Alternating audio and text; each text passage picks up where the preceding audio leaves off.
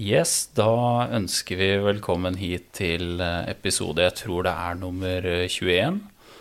Og vi har hatt en gjest jeg har gleda meg veldig til å høre på i dag, nemlig Mari. Hei. Hei, hei. Har du lyst til å Eller Tur med Mari er du vel kanskje mer eh, kjent som? Yes, det stemmer. Har du lyst til å fortelle litt om eh, deg selv? Ja. Jeg eh, kaller meg jo som sagt Tur med Mari. Eh, naturligvis. Det er veldig beskrivende navn. Jeg eh, elsker å være på tur. Og driver veldig mye med friluftsliv. På fritiden. eh, driver ikke med det på fulltid enda, i hvert fall. Men eh, jeg er veldig glad i å dele av eh, turlivet mitt, da. På Instagram og sosiale medier. Og ja. Ja, så bra. Og så er det jo nesten litt sånn i grenseland mellom at det er fritid og, og jobb. Eller du kombinerer det på en ganske elegant måte. Ja, eh, jeg har jo Driver jo litt eh, med altså, små oppdrag og har lyst til å potensielt leve av å drive med friluftsliv. Så eh, Men jeg er veldig opptatt av å komme meg ut og gå mye på turer, da. Eh, I hverdagen. Jeg går mye på tur. Det er jo noen som har trodd at jeg lever av, og, av friluftsliv og gå på tur. Eh, men jeg har jo jobb og studier som jeg driver med ved siden av, da. Som jeg kanskje ikke alle tenker så mye over, men ja. Hva studerer du? Jeg studerer Jeg, skal, jeg skriver masteroppgave nå, faktisk, i design av IT. Så jeg blir eh, UX-designer, eller tjenestedesigner, når jeg er ferdig utdanna. I mai. Det har vi bruk for her, vet du. Yes, det stemmer. Det er jo faktisk Fjellsport har en veldig god eh, nettside. Og veldig bra eh, brukeropplevelse, syns jeg. Å, tusen takk. Så det, det er plusspoeng til dere. Det er noe vi jobber veldig, veldig mye med, i hvert fall. Ja, det har jeg altså skjønt. Eh, I hvert fall som i mine designerøyne så ser jeg jo veldig fort legger merke til dårlige nettsider og dårlige brukeropplevelser på eh, systemer og apper. Man har ganske høye krav om dagen. Ja, det er høye krav, og så er det Det er liksom en blanding mellom at det er faktisk lovpålagt å ha visse ting, eh, altså tilrettelegge på hjemmesider. Det her skriver jeg faktisk masteroppgave om. så det er sånn ja, fortell, fortell midt i blinken! Fortell mer. Nei, det er noe som heter universell utforming. Jeg vet ikke om du har hørt om det før. Men eh, det handler om å tilrettelegge for eh, alle typer brukere på nettsider. Eller systemer da, og apper og alt mulig som er digitalt. Men det er jo akkurat som at du har en eh, f.eks. en rampe inn eh, ved siden av en trapp. Eh, for da tilrettelegger du for rullestolbrukere, da, f.eks. Og da på internett så er det jo liksom kontraster, f.eks. For, for de som har, er fargeblind. Ja, det er jeg. Ja, ikke sant? Spot on. Ja. Og ja, um, mulighet til å endre skriftstørrelse, f.eks. Det, det er veldig basic tilrettelegging, men det er veldig mange måter man må tilrettelegge på da, for Wow. brukerne. Fordi det er jo om å gjøre å Altså, fjellsport har jo en veldig stor mangfoldig gruppe, ikke sant? Eh, som eh, potensielt vil kjøpe noe innen friluftsliv. Eh, og da må man jo treffe, eller tilrettelegge for alle de typer brukerne. Så Ja. mm. Dette sitter jeg og skriver om på masteroppgaven. Ja, nei, men Det høres kjempespennende ut. Mm. Du får si fra hvis det er noe vi kan Yes. bidra med. Det kan godt hende. Ja. Jeg tror vi i hvert fall er en ganske Mm. eh, omfattende brukercase, hvis det skulle være noe. Ja, faktisk. Yes, Men eh, hva slags eh, Vi var innom friluftsliv. Eh, Mhm. Hva slags type aktiviteter er det du driver med? Eh, jeg har sett at det er ganske mye sånn vandring med sekk, men eh, Mhm. skjener du litt ut på andre aktiviteter òg? Ja, eh, jeg er f.eks. veldig glad i å klatre. Eh, innendørs, vel å merke. Jeg har ikke turt å ta steg ennå med å klatre ute. Ehm, og så er jeg litt sånn Jeg har litt sånn blanda følelser med klatring. Litt sånn høyde Jeg har ikke høydeskrekk, men jeg har nok litt sånn høydeangst, kanskje. Ja, høyderespekt. Ja, høyderespekt. Veldig bra ord, faktisk. Takk. Um, og jeg kjenner jo bare hvis jeg er på en liksom topptur og står litt sånn på utsatte steder, så kjenner jeg jo veldig at kroppen nesten låser seg. Mm. Så høyderespekt, det har jeg. Eh, så jeg liker eh, drive litt med inne, inneklatring. Eh, og så er jeg veldig glad i liksom vinterfriluftslivet. Mm. Prøver å dra på litt sånn store turer og miniekspedisjoner her og der. Har jo pulk og vintertelt og det utstyret jeg trenger da, for å på en måte dra på en skikkelig vintertur på fjellski. Så det er jo på en måte kanskje favorittaktiviteten utenom å vandre med sekk, da, kan du si. Hvorfor syns du det er eh, motiverende med vintertur? Eh, det handler mye om eh, kontrastene for meg. Eh, blandinga mellom ja, hardt, hardt vær, kulde, og så den kontrasten med å f.eks. komme inn i teltet i en varm sovepose, spise god eh, tørka mat, si. Det er jo altså god tørka mat. Det er jo kjempegodt når du er på tur, så er, smaker jo all mat veldig godt. Um, og ja. Den, den kontrasten da mellom solskinnsdager på vidda, eksempel. Ja.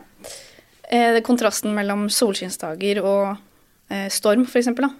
Jeg var jo på Finse her for ikke så lenge siden. Ja. Og da var det jo selvfølgelig storm. Vi ble også værfast. Det var jo på førstesida av VG, faktisk. For det var jo Bergensbanen ble jo stengt. Det er veldig av- gøy at du sier, for vi Ja. var der med, på tur med jobben i fjor. Ja. På sånn vinter, eller kompetanseheving vintertur. Og Mhm. vi ble også værfast på Finse. Såpass, ja. Så Men det er jo- jeg veit akkurat hvordan du har det. Ja, nettopp. Takk. Eh, Det er jo det stedet i Norge du mest sannsynlig blir værfast da, på vinteren. Hvis det er noen steder du blir værfast. Så det er jo ikke akkurat um, overraskende, kanskje. Men uh, du, du får veldig ja, respekt for vær og Det var jo whiteout når vi var der.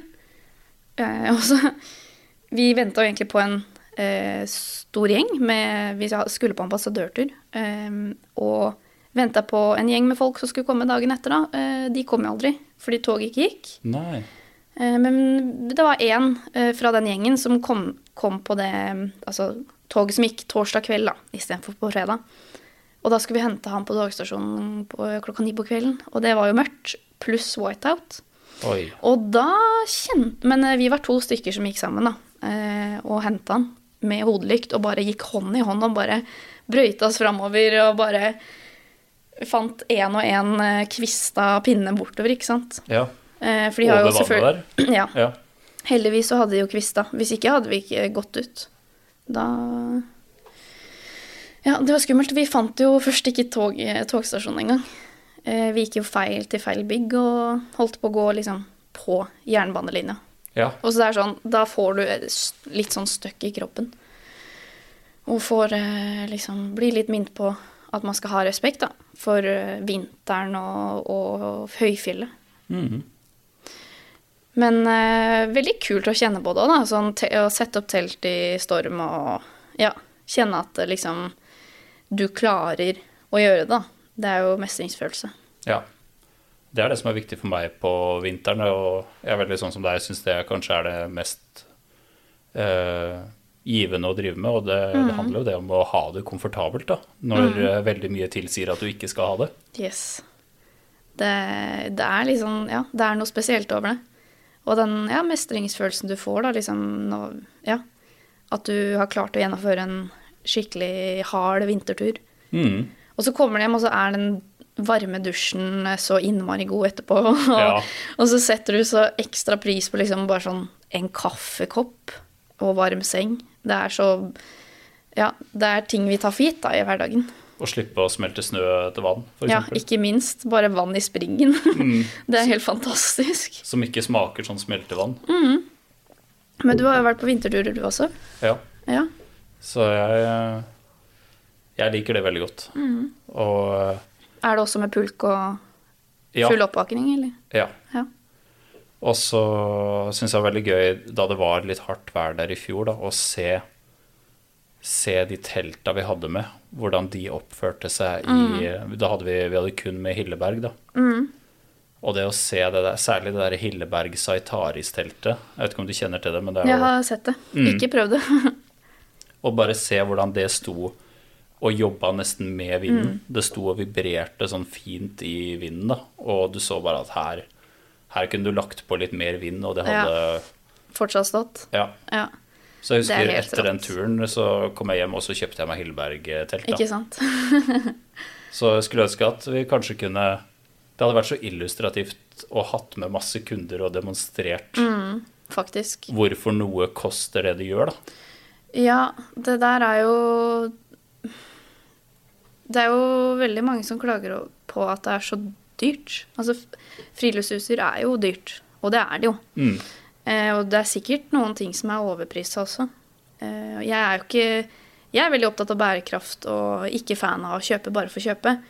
Men det er veldig viktig å ha utstyr sånn som på de vinterturene, så er det helt primært uten. Eh, hvis du har Du kan jo ikke dra med sommertelt. Det er jo en grunn til at du ikke bruker sommertelt på Finse yep. på vinteren. Det er, men eh, ja, det er vel Ja, det er viktig å Det er kjempeviktig å ha godt utstyr, da. Selv om det koster mye. Men eh, det er jo Jeg tenker jo de som begynner med f.eks. første gangen man prøver det, da, så er det jo ikke nødvendigvis at man trenger å kjøpe det heller. At man kan låne eller leie først, og så kanskje man blir hekta. Så kan man jo på en måte investere i det, da. Mm. Det tenker jeg er viktig.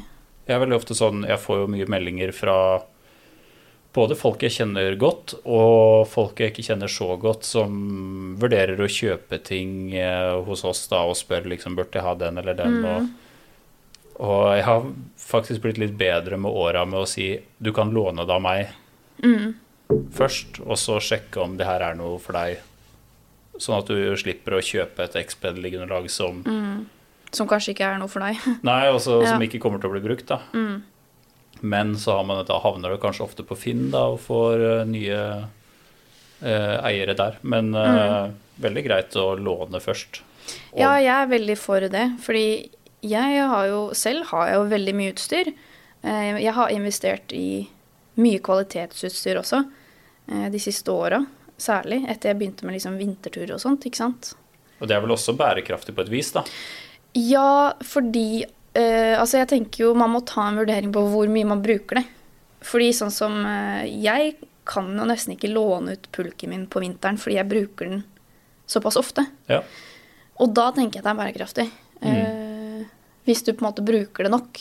Men jeg er veldig for å Jeg også har blitt litt, litt flinkere til å liksom Du kan låne bort. Eh, eller at du kan låne pulken min en helg, da, og teste hvis du har lyst til å Hvis det er en venninne som har lyst til å prøve vintertel- eh, vinterfriluftsliv, da, eksempel. Mm. Det Ja. Man skal ikke være redd for å låne utstyret eller på en måte. Det er jo, altså, utstyret er til for å brukes. Men eh, det er litt sånn, ja. Man må jo også passe på at eh, man tar vare på det man har, da. Mm. Men jeg har hørt at du skal ut på stort eventyr eh, i sommer. Yes, det stemmer. Jeg skal gå Norge på langs. Wow. Så det er sånn eh, eh, nyhetsreveal i dag. Er det jeg det? har jo Ja. Jeg har ikke, har ikke lagt ut på sosiale medier ennå. Egentlig fordi jeg ikke har eh, Tanken var at jeg skulle gjøre det eh, i løpet av våren nå, eh, men jeg har ikke villet gjort det for tidlig fordi jeg føler at folk blir litt engasjert og litt hypa på vegne av deg, og så blir det veldig mye mas. Ja. Eh, og kanskje litt press også, hvis man eh, ja, eh, fokuserer for mye på det. Så jeg har egentlig hatt litt sånn lave skuldre og vært litt tilbaketrukken med det. Men eh, jeg har jo selvfølgelig lyst til å dele om det, fordi jeg skal jo på liksom tidenes tur. Eh, jeg føler meg veldig privilegert som kan dra ut på den turen også. Fordi jeg er på en måte mellom eh, studier og arbeidsliv akkurat nå. Ja. Og det er jo grunnen til at jeg kan legge ut på den turen her, da. At det passer veldig godt i, i livet akkurat nå. Ja, ja, Kan du si? herregud. Men uh, hvor eh, lang tid regner du med å bruke? Jeg har faktisk satt av fem måneder. Så deilig. Det er jo kanskje litt lenge. Eh, Jeg satser på å gå på ca. fire måneder. eh, Jeg begynner i juli i år og skal gå i til ca. november, da, kan du si. Ja. Ut november. Litt grovt, men eh, jeg vil gjerne ha litt slingringsmonn. Eh, av flere årsaker. Litt Altså, du vet jo aldri hva som skjer på tur heller. Og du, jeg vet ikke helt hvor mye hviledager jeg trenger. Eller hvis det skjer andre ting, da, så er det greit å ha litt slingringsmonn. Kanskje et par par-tre uker å gå på, da. I hvert fall. Sånn tidsmessig. Tenker du da uh, at du på en måte skal gå Du skal gå alltid et strekk, eller skal du på en måte Planlegger du å gå til én by, og så ta flyet hjem igjen, og så tilbake, og så gå videre? Jeg skal gå alltid ett strekk. Ja. Ehm, med et lite unntak, fordi at eh, jeg har eh, fått enda en niese i familien. Oi, Og gratulerer. jeg, takk, jeg er da stolt tante, og hun skal døpes i august. Ja, Så det kan hende De har ikke satt dato om det, men eh, planen er at jeg skal reise hjem et par dager for dåpen. ja. Fordi jeg er såpass familiekjær. men utenom det så skal jeg gå hele turen fra start til slutt, da, kan du si. Hvor starter du og slutter? For det er, det er vel litt sånn forskjellige måter å gå Norge på langs på, er det ikke det? ja. Eh, jeg har valgt å starte i nord, eh, også fordi det er i juli. Eh, så den verste smelteperioden er jo over i fjellområdene. Eh, ulempen er kanskje at jeg kommer rett inn i Ja, jeg skulle på, si det. i Nord-Norge. Det er det jo mange jeg har snakka med som har kommentert. Eh, men jeg tenker at det er en ofring jeg må ta, fordi eh, det er litt psykisk også, den følelsen av at du går hjem. Eh, for jeg er jo født og oppvokst på Østlandet, så følelsen av å gå fra nord og sydover, da, hjemover, tror jeg altså er bra. For mitt hode, i hvert fall. Og så, ja, jeg har snakka med noen som har gått Norge på langs, og i forhold til litt eh, når de gikk, og hvilke utfordringer de møtte på og sånn. Ja. Så da har jeg egentlig landa på å gå fra nord til sør, da, istedenfor sør til nord, som er kanskje den vanligste veien å gå. ja, er det det? Så er sør til nord mer vanlig? Eh, ja, i hvert fall sånn jeg har fått inntrykk av. Eh, du ser også Det er noe som heter eh, Jeg tror det er norgepolangs.info, eh, eller noe sånt. En nettside. Å ja. Der det står litt sånn eh, hvem som har gått, eh, og når det gikk og sånn. Og der er det veldig mange som går fra Lindesnes til Nordkapp. Eh, men de begynner også ofte i mars, april eller mai. ja. Så når jeg begynner litt seinere på året, så ja, tenker jeg også at jeg kan gå nedover Kan hende jeg møter på snø, altså.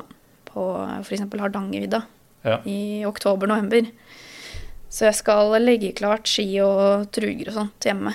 Tilfelle jeg må få tilsendt det, da. Men eh, ja, for du, da starter du Er det grense Jakobselv? Det er Nordkapp, tenker jeg. Ja, du, tar, du starter Mm. Nordkapp? Ja. Og går til Eh, Lindesnes. Ja. Så egentlig så er det Jeg har, jeg har eh, driver og lager, eller planlegger nøyaktig rute. Litt sånn A- og B-plan underveis. ja. For det er jo mange steder du på en måte kan gå flere veier også. Men ja, det blir den klassiske ruta Altså hvis du, hvis du googler Norge på langs og finner ruta på ut.no, så er det den da, i utgang, som jeg tar utgangspunkt i. For det er jo mange som går til Halden. Ja. Det har jeg, Jeg har også aldri skjønt det helt. Nei. Ja. Halden er jo sikkert en koselig by. Det er jo Ja, ja, ja. ja. Jeg har ikke noe gærent om Halden, men eh, jeg har liksom også alltid sett for meg at Norge på langs er I, I mine øyne, det er, altså, det er litt sånn eh, For meg er jo på en måte selve turen er på en måte målet. Det er ikke den, eh, men det er, veldig, det er veldig kult å si at jeg har gått Norge på langs, men det er ikke det som på en måte er målet. Men jeg tenker at når jeg først skal gå Norge på langs, så vil jeg på en måte gå den fra A til Å, eh, som er på en måte de Nordkapp og Lindesnes er jo de to punktene som er veldig kjent også, da. Ja.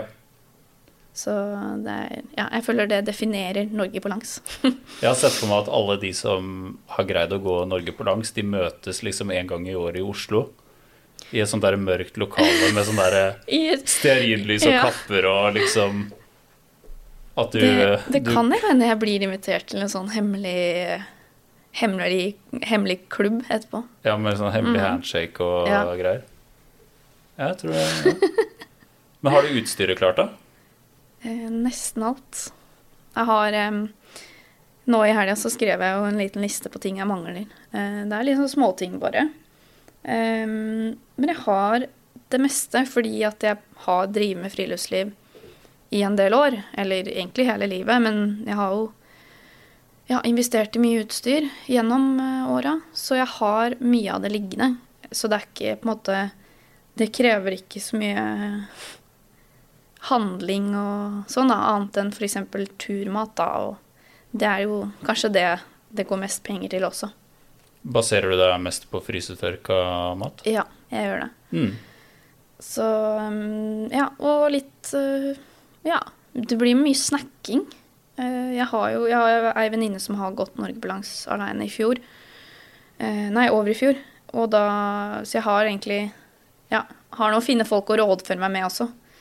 Da er det jo sånn De sier jo at ja, du må regne med Altså, du kommer til å være sulten hele tiden og bare ha masse snacks tilgjengelig. Eh, litt sånn uh, Ja, supper for eksempel. Eh, spekepølse. Ting som er litt sånn raskt, da. Mm. Eh, nudler, fordi det er mye karbohydrater, ikke sant. Ja. Alt mulig. Eh, men igjen, det er liksom Du må veie opp hele tiden, da. Hva, hva veier ting? Eh, hvor stor plass tar det? Det er jo litt sånne eh, valg man må ta, da, eller liksom i den planleggingsfasen. Går du for eh, gramjegerfilosofien, eller? Ikke helt, Nei. men eh, samtidig eh, altså, For jeg er jo egentlig ingen Jeg kaller meg ikke gramjeger, fordi sånn som når jeg er på nærturer, så drar jeg jo gjerne med meg ti kilo ekstra og liksom full eh, gourmetmiddag i sekken. Eh, samtidig så vet jeg jo at når jeg skal på en sånn så lang tur, så er jeg jo nødt til å tenke eh, hva ting veier.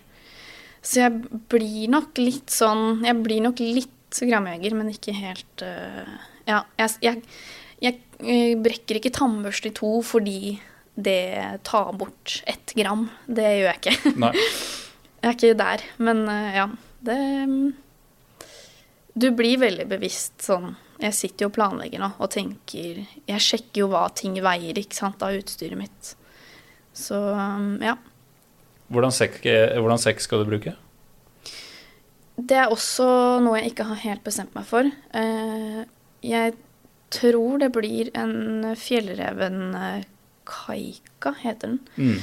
Som er eh, Jeg tenkte først at det gikk med 65 liter. Men jeg ser jo nå at det ikke går med den mengden utstyr man skal ha. For man henter jo opp depoter med mat hver andre uke ca. Og det fyller jo sekken, det. Pluss alt utstyret du har i sekken allerede. Så jeg tror det blir kanskje 85 liter. Ja. Det er den som har sånn treramme, er det ikke det? Ja, det stemmer. Eh, Den veier faktisk bitte litt mer, eh, den sekken, enn f.eks. En, annen- altså en annen tursekk jeg har hjemme, som ikke har treramme. Men det er også litt sånn vurdering, da, for den eh, sitter jo godt på ryggen, ikke sant. Eh, og du skal ha på sekk i fire-fem måneder. Ja, tenkte jeg. Så den sekken skal jo sitte godt. Så det er jo veldig viktig å finne en sekk som passer deg, da. På en så lang tur. Det har vi jo glemt å si, men uh, du er jo ambassadør for uh, Fjellreven. Ja, det stemmer. Er de, uh, blir det mye Fjellreven på turen? Det gjør det. Naturligvis. Eh, Det blir eh, både dun og skallklær og ja, sekk, blant annet. Eh, sovepose blir det nok også. Så Ja. det er mye fjellrevenutstyr. Eh, og det er jeg veldig glad for også, fordi at det er så god kvalitet på både klær og utstyr fra fjellreven. Så veldig fornøyd med det jeg har. Ja, det er ting som varer, altså. Det er det. Og så er det jo litt kult når jeg er så opptatt av bærekraft og um, liksom ja, investere i kvalitet, da. Så er jo det noe de leverer veldig på. Var det viktig for deg å kalle det i valget av eh, merke å Ja. gifte seg litt med? Yes, Ja. det var det. Uten tvil. Det, det, de var vel kanskje øverst på lista også, og de jeg på en måte drømte om å samarbeide med, fordi hvis du leser litt om det. F.eks. på nettsiden så står det ganske mye god informasjon. Eh, det er jo De følger f.eks. i en dunjakke så følger de en Så følger de da fra en levende kylling til et ferdig produkt, da kan du si. At de følger produksjonslinja. Og ja, velger bærekraftige materialer og sånn, da. Eh, som er på en måte eh, Ja, det er noen av mange ting de gjør, da. Mm. De har også begynt å farge eh, Det er en ny flys som har kommet, som har naturlige fargepigmenter i seg, istedenfor sånn kjemisk farging oh, ja. av klær. ja. Og det er sånn eh, Ja, det er veldig kult, da, hvis du er litt eh, nerd som meg. Eh, Så er det De gjør ve veldig mange bra tiltak der, da. Eh, Og det er jo egentlig kjempeviktig også. Eh, Frilufts, fri, friluftsbransjen er jo egentlig ikke så bærekraftig i seg selv. Så ja. Det, bærekraft er liksom viktig da, når man skal drive med det her over flere år. Og å kunne ta, være med å ta litt bærekraftige valg som forbruker. Det er eh, kjempeviktig. Er det noe du ser på som en stor utfordring på, på turen? Ja eh, Det er flere ting, kanskje. Uh, altså når vi er inne på bærekraft, da. Jeg har tenkt veldig mye på når Uh, at uh, man ofte ikke er så bærekraftig på tur, f.eks. Sånn eh, Hvordan kan jeg gjøre turen mer bærekraftig? Og der er det jo en litt utfordring med f.eks. å sende depoter, da. Ja. det er jo sånn at du sender depoter ca. An annenhver uke i fem måneder. Det er ganske mye Altså, det er jo på ja, et uh, mikronivå, da. Så er det jo mye utslipp som går f.eks. i en transport av et depot, f.eks. Det er jo ikke så miljøvennlig Nei. å sende og frakte pakker til uh, ja, forskjellige steder fra nord til sør, da, i Norge. Har du det da på postkontor eller hos privatpersoner? Ja, eh, både òg, egentlig. Både og, ja. ja. Eh, For det er jo noen tettsteder oppe i nord som er litt eh, kronglete å, å komme til. Særlig også når du er oppe i, et, eh, oppe i et fjellområde. Å komme seg ned til sivilisasjonen kan det bare være vanskelig i seg selv. ja, ja. Eh, Så jeg har faktisk fått noen kontaktpersoner eh, i Nord-Norge der, der det er litt vanskelig, da. Eh, Der andre har eh, brukt noen privatpersoner og hytteeiere til å hjelpe med å hente depoter og sånn. da. Men det er på en måte en ut, slags utfordring, eller sånn en ting jeg ser på som litt eh, når, Apropos bærekraft, da. Eh, Men jeg har ikke kommet på en annen, altså en bedre måte å gjøre det på.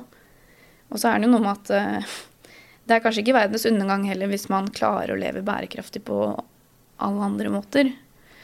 Men eh, ja, du får si ifra hvis du kommer på en, en bedre idé.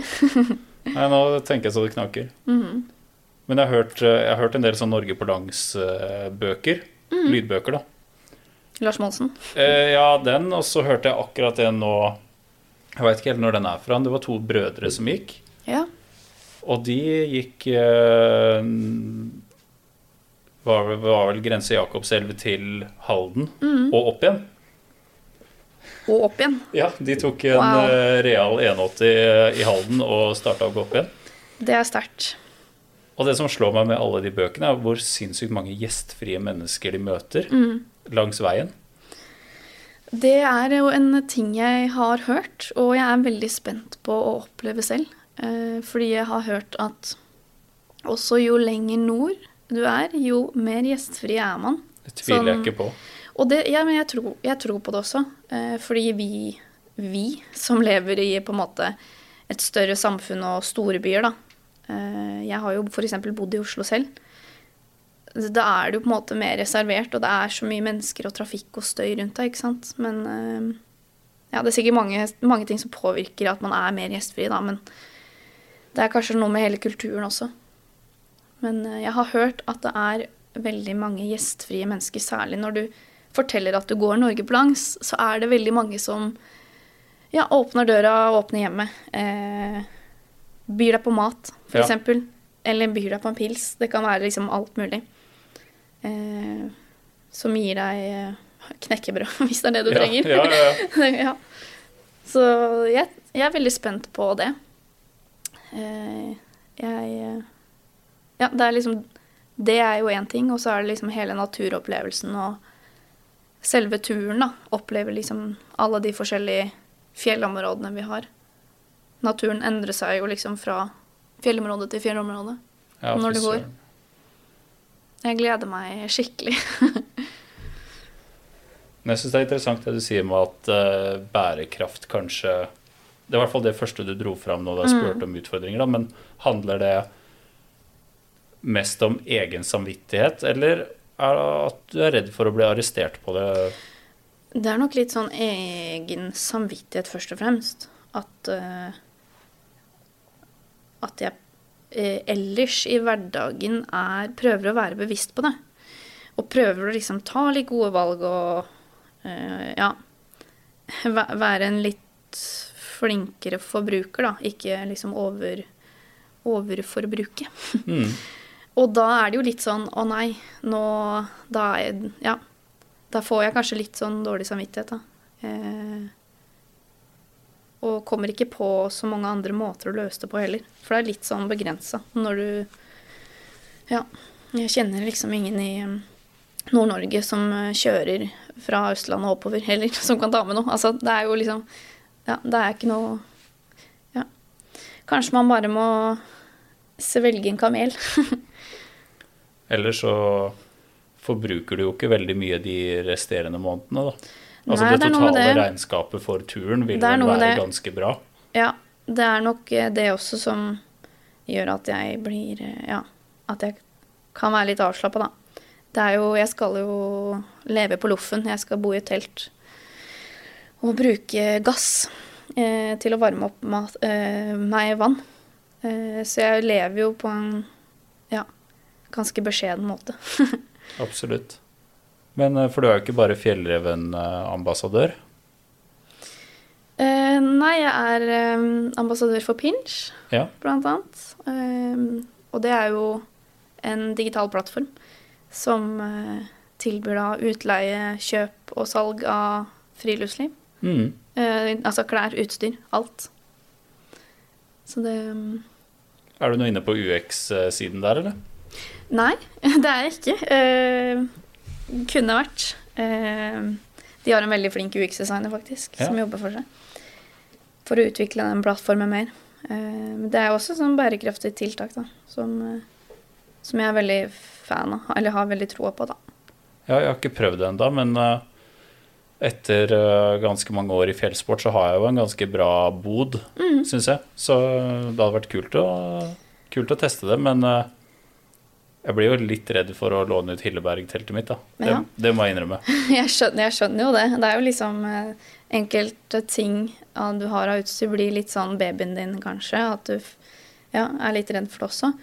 Men det er jo forsikring, da, som er eh, Det er forsikringsløsninger. Sånn at eh, oh, ja, selvfølgelig. vi eh, Jeg og en kompis eh, lånte jo, eller leide, teltet til Alexander Gamme. Det er jo han som har starta Ja. Pinch. Eh, og vi klarte selvfølgelig å få hull i, i teltet på to steder. Oi. Vi fikk helt panikk. Vi bare Å, herregud, selveste Alexander Gamme sitt telt. Dette går jo ikke. Hva er det vi skal si nå?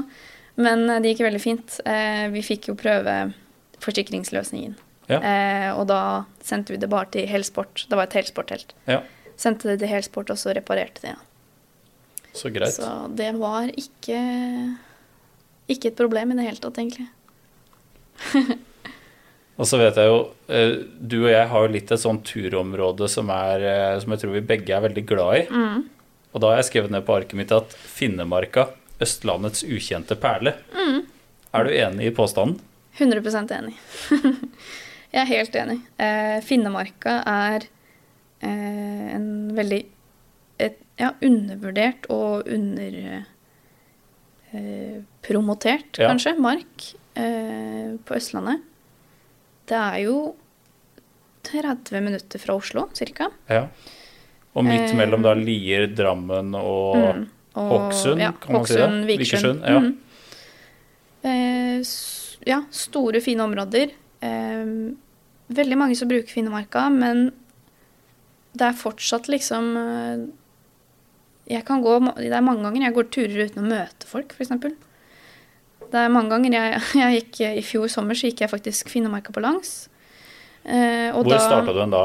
Da starta jeg oppe ved Vikersund, da kan du si, eller Ja. helt nord, da. Breiliflaka, hvis du vet hvor det er. Det er på en måte helt nord i det naturreservatet som er der oppe. Ja. Og så gikk jeg eh, litt vestover, fordi det er, eh, det er jo et eh, drikkevann i midten av Finnmarka som heter Glitre. Ja, og der er det en del grusveier rundt. ja. Så for å unngå å gå på grusveier, så gikk jeg på noe som heter Hovlandsfjell, som er et kjempefint område der. Eh, veldig mye liksom, fine krokfuru og gammel, gammel skog. Å ja. Og der er det sånn gammelt eh, tårn som står der, som du kan gå opp i. Og da ser du liksom Gaustatoppen og ja, eh, masse fine fjell i det fjerne. Veldig fin utsikt. Eh, og da gikk jeg der, eh, og så gikk jeg ned ja, sørover, da kan du si, mot eh, Drammen, Ja. Drammensmarka. Eh, men jeg tok jo da Gikk eh, østover hjem til Lier, da ja. istedenfor å gå ned til Drammen. Ja. Eh, Det var egentlig bare praktiske årsaker. Men, eh, men den eh, gikk jeg i sommer. Eh, Og ja, jeg husker ikke helt hva vi snakka om engang. Men Nei, det var noe i forbindelse med det. Ja, at uh, ja, Det som jeg syns alltid har vært gøy med Finnemarka, og de stedene vi har vært mye før, det er at det ikke har vært dekning der. Ja, det var det jeg skulle si. Ja. Eh, At det verken er Det er eh, litt dårlig dekning. Det er litt mer dekning nå enn det var før. Ja, skjønt. De har satt opp noen mobilmaster eh, som er liksom omdiskutert. Ja, men, eh, men eh, for all del fint at du kan ha litt kontakt med omverdenen hvis det skulle skje noe. Men eh, det jeg skulle si, var at eh, jeg møtte jo ingen på den turen før jeg nærma meg parkeringa på Eiksetra i Lier. Så jeg gikk i fire dager aleine uten å møte folk. På Og det, det er, sentrale Østland. ja, det er og det kult. er helt fantastisk at du kan gjøre det, tenker jeg. Ja, fy At, søren. eh, ja. Så det er, eh, det er jo det turområdet jeg bruker liksom daglig, ukentlig, hele året. Og så skal du ikke så veldig langt innover der før du får den ordentlige villmarksfølelsen, syns jeg. Mm, Med de furutrærne, som du sier, og ja. Det er eh, ikke mange kilometerne du trenger å gå fra parkeringsplassene før du kommer inn til eh, fine områder med Ja, med mye gammel skog og gamle Altså, du har liksom masse døde trær. Du kan eh, hogge deg ned litt til et bål, f.eks. Det er ja, ikke mye forsøpla heller. Nei, heldigvis ikke. Så ja. Det husker jeg ble skikkelig skuffa over i Femundsmarka. ja. Det var Hvordan- mye søppel. Ja, uff. Det var Det er eh, forferdelig. Hvor var den? Vi padla fra padla i kano fra eh, nordenden på Femund og inn til Røros sentrum. Mm. Så det var litt de der tømmerrennene. Jeg vet ikke om du har vært der? Nei, men jeg har sett, uh, sett bilder av den der oppe. Ja. Mm. Det er en veldig morsom tur, forresten. Og eh, der kan man sove i hytte ved alle de tømmerrennene. For det er en sånn liten koie ved hver tømmerrenne som de gutta bodde i. Mm. Og den forsøplinga som var der da, det husker jeg var utrolig sånn skuffende. Ja, det skjønner jeg. Nå var vi kanskje på et veldig bereist område, da. Jeg vil jo ta med det i beregninga, men allikevel. Ja, men fortsatt, da. Og jeg har jo vært på Jeg har sånn ambivalent forhold til sånne Altså for eksempel sånn raks... Nei, Raksetra, sier jeg nå. Eh, for eksempel. I Ja. Åndalsnes. Der var jeg jo i fjor. Eh, og det er sånn Ja, det er kjempe... Altså veldig mange populære Altså Besseggen, eh, Preikestolen. Veldig mange kjente litt sånn eh, litt for besøkte områder i Norge. Som blir eh, liksom store turistattraksjoner der det drar med seg mye søppel. Da. Og det er jo veldig trist å se. Og så begynner jeg å tenke litt sånn Men er det bra på en måte at veldig mange blir lokka til veldig få steder, kontra at alle hadde vært spredd utover større områder? Det er det, da. Det er litt sånn Uff. Uh, Det er vanskelig Vanskelig spørsmål. Ja, det er det. Jeg vet ikke liksom hva som er eh, best. For det er litt sånn eh, Det er mange kjente områder som blir nesten ødelagt, da, tråkka ned, fordi det er så mye folk Mm. i området. Det er jo litt trist. Um, og så er det jo samtidig er det ikke bra hvis det blir liksom litt forsøpling overalt. Nei, nei det, er, det er ikke noe digg, det heller. uh, ja. Nei. Men eh, ja, friluftslivet har jo, altså, det har jo blitt veldig mye mer populært etter korona. Jeg merker jo det bare i Finnemarka, eksempel. At det er mer røslasjon nå enn det var for fem-ti år siden. Ja. Uh, ja, jeg merker jo forskjeller, men det er jo ikke heldigvis ekstrem forsøpling, da. Nei, nei jeg syns det har vært veldig ålreit der. Mm. Og vi merka jo det veldig da korona kom. Mm. Så jeg er litt sånn der Hvis det, ikke, hvis det er en bod i Norge nå det ikke fins en hengekøye i, da, da blir jeg overraska. Ja, faktisk. Det Ja, det er veldig mye utstyr som også ligger eh, i boder, tror jeg, eh, Mm. etter korona. Når folk innså at å ja, eh, hengekøye var ikke noe for meg, for Nei, eksempel. Ja. Når du ble ferdig med å legge det ut på Instagram, og så ja. Så var det ikke så stas allikevel. Nei. Fikk litt vel vondt i ryggen. Og så har jeg skrevet ned om du kunne fortelle om ditt eh, beste og verste turminne. Hmm. Du kan starte med beste, da.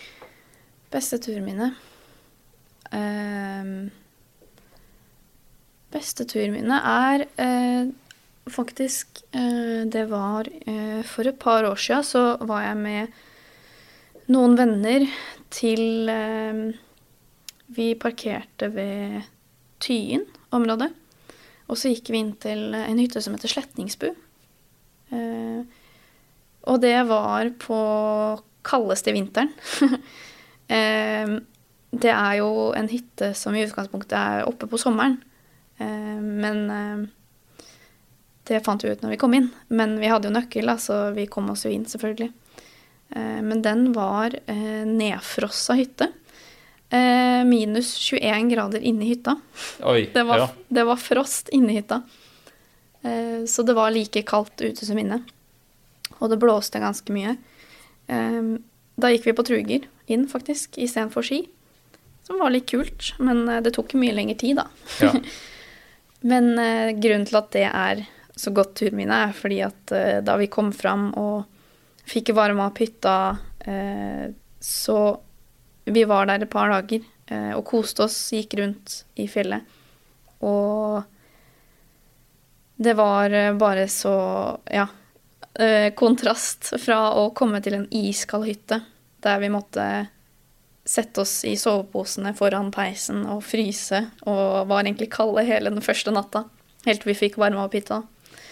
Og den selve turen og fjellområdet der er veldig, veldig fint på vinteren. Absolutt. Det var jo i hvert fall ett av veldig, veldig mange gode minner jeg har, da. Vel å merke. Veldig mange fine turminner. Så er vi over på verste, da. Det er et godt spørsmål. Jeg, det er noe med at det, det, er, det, er litt, det er litt mye som skal til før det blir ille på tur, Ja, føler jeg. enig. Eh, verste kanskje Verste hendelse, kanskje, da, var jo I fjor så gikk jeg Hardangervidda på langs på vinterstid, og da fikk jeg, som vel å merke er også en av de beste, fineste turene jeg har gått, eh, kjempefint, å gå forbi alle hyttene ned til Haukeli. Og eh, problemet var bare at jeg begynte å få vondt i ankelen, og så balla det på seg. Eh, så viste det seg at jeg fikk betennelse i hele beinet, fra hoft til ankel. Oi. Eh, og den Det tok ganske kort tid før det på en måte ble beten, betennelse i hele beinet, da, kan du si. Og jeg klarte ikke å bevege på hele venstre fot eh, og bein. Wow. Ja. Eh, litt kjedelig når du er stuck inne på vidda eh, og ikke kan gå. Eh, men det endte med at jeg ble henta ut med helikopter fordi det var en annen person som hadde skada seg i samme område. Så for å få meg ut oh, ja. eh, For jeg klarte ikke å gå mer på ski. Jeg hadde ikke en nubbsjans. Eh, hadde ikke klart å, jeg klarte ikke å gå på beina eller på ski eller noen ting. Eh, så, og når du, når du har betennelse, så er det også ganske hoven. Så skiskoen var liksom Passa ikke engang. Oi, shit. Eh, litt det var, veldig, det var veldig kanskje noe Altså det verste jeg har opplevd fordi at jeg på en måte ble eh, Hva skal man si? Jeg på en måte ble revet ut av en ellers veldig fin tur, da. Ja. Eh, jeg måtte jo bare ut av det.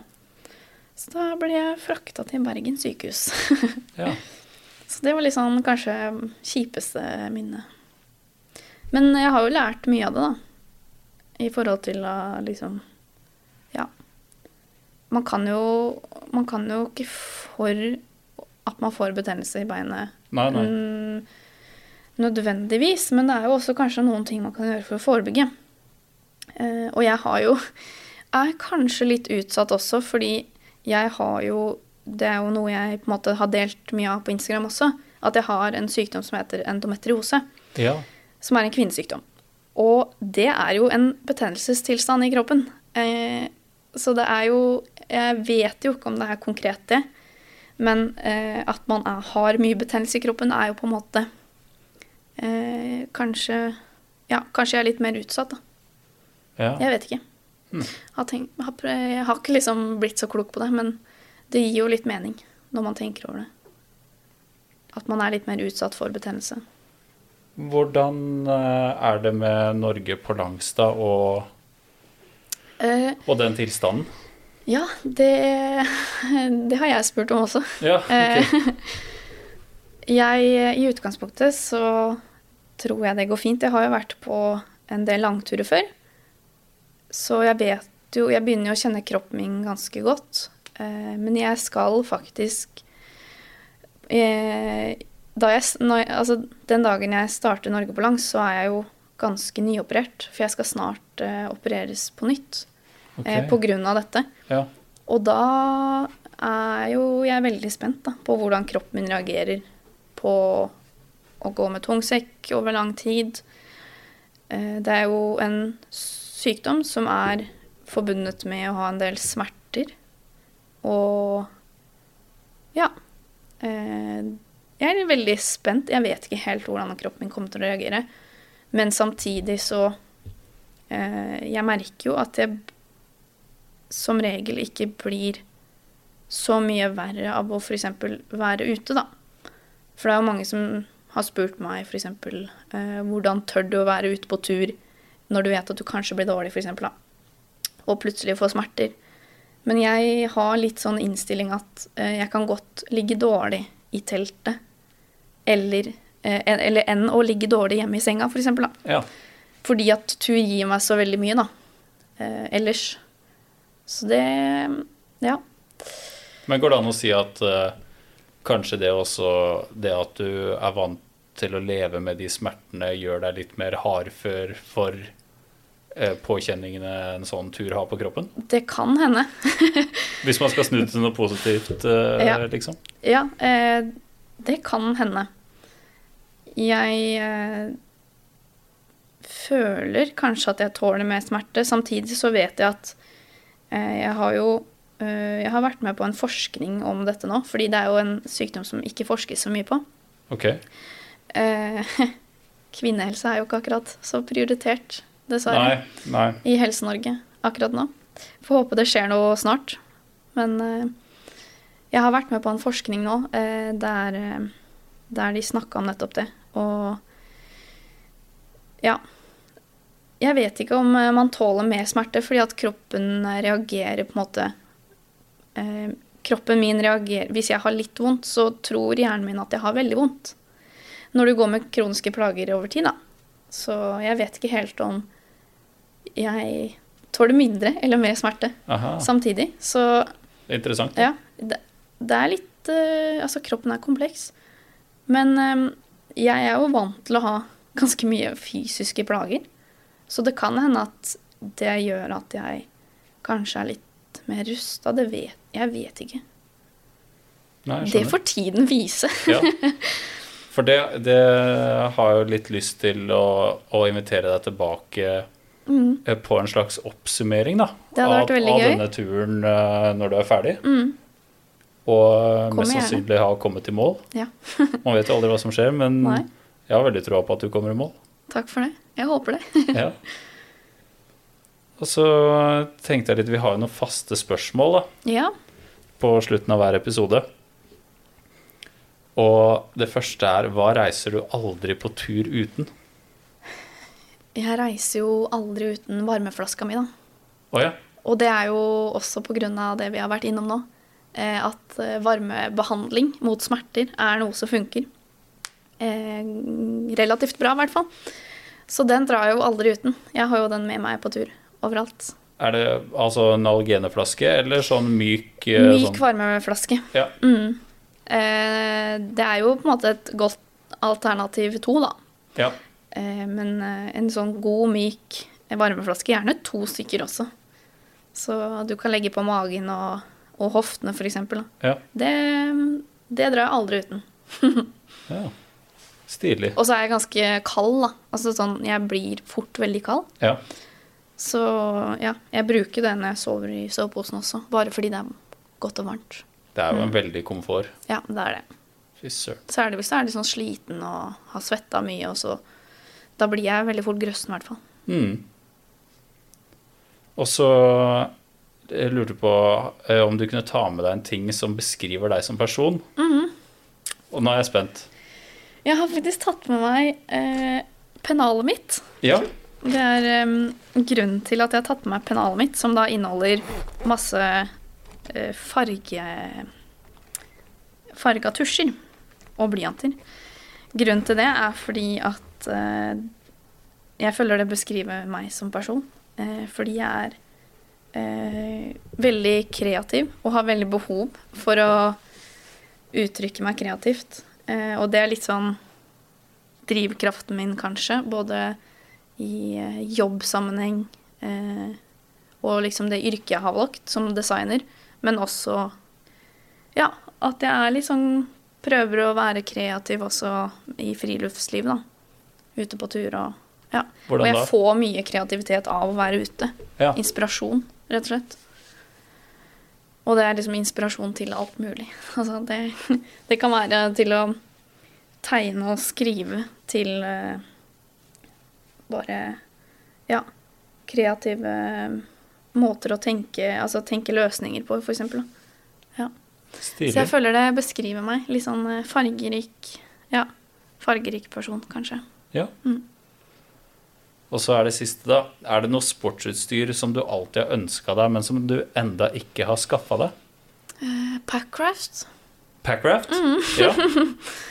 Jeg, veld jeg er veldig glad i fiske. Uh, yeah. Så jeg drømmer om packraft, fordi da kan jeg liksom Ja. uh, padle noen elver og kanskje stikke til Femundsmarka og, og fiske med packraft. Litt sånn Monson-style. ja. Men jeg er helt enig med Packraft, fordi Ja. Har du vår felles kompis eh, Ja. Hans Olav og jeg vi så på et sånt litt harry sånn der amerikansk friluftsprogram for eh, sikkert 10-11 år siden. Mm. Hvor det var første gang vi så det her med Packraft. Ja, det var før det kom til Norge. Ja, det var Ja. før det kom til Norge. Og jeg syns det ser så spennende ut, eh, jeg også. Og det at du kan bære den med deg, og så slenge den utpå, og så Men da begynner jeg å tenke, skal du ha med deg Packraft på Norge på langs? Kunne sikkert hatt det. Eh, det har ikke vært planen, i hvert fall. Eh, jeg vet ikke hvor mye elver, eh, vann Du kan bruke de heller, type. Om det på en måte blir et smart framkomstmiddel, eller om det blir mer styr. Jeg vet ikke. Ja, Godt spørsmål. Min, min første tanke er liksom at Kanskje på noen deler. Ja, eller bare for Hvis du har eh, da valget mellom å gå langs et stort vann Mm. eller padle samme strekning, så er jo det en måte å avlaste beina på, da. Det er det. Det er kjempegodt poeng. Det, det skal jeg faktisk gnage litt på.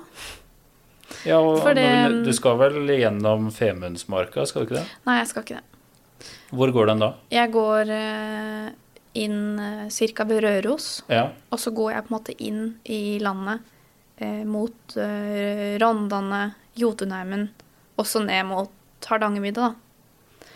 Så det blir for å komme rett ned til Lindesnes, da, kan du si. selvfølgelig. Mm. Det hadde vært mer logisk med Femund- Femundsmarka hvis du skulle gått til Halden. Ja, Ja. Nettopp.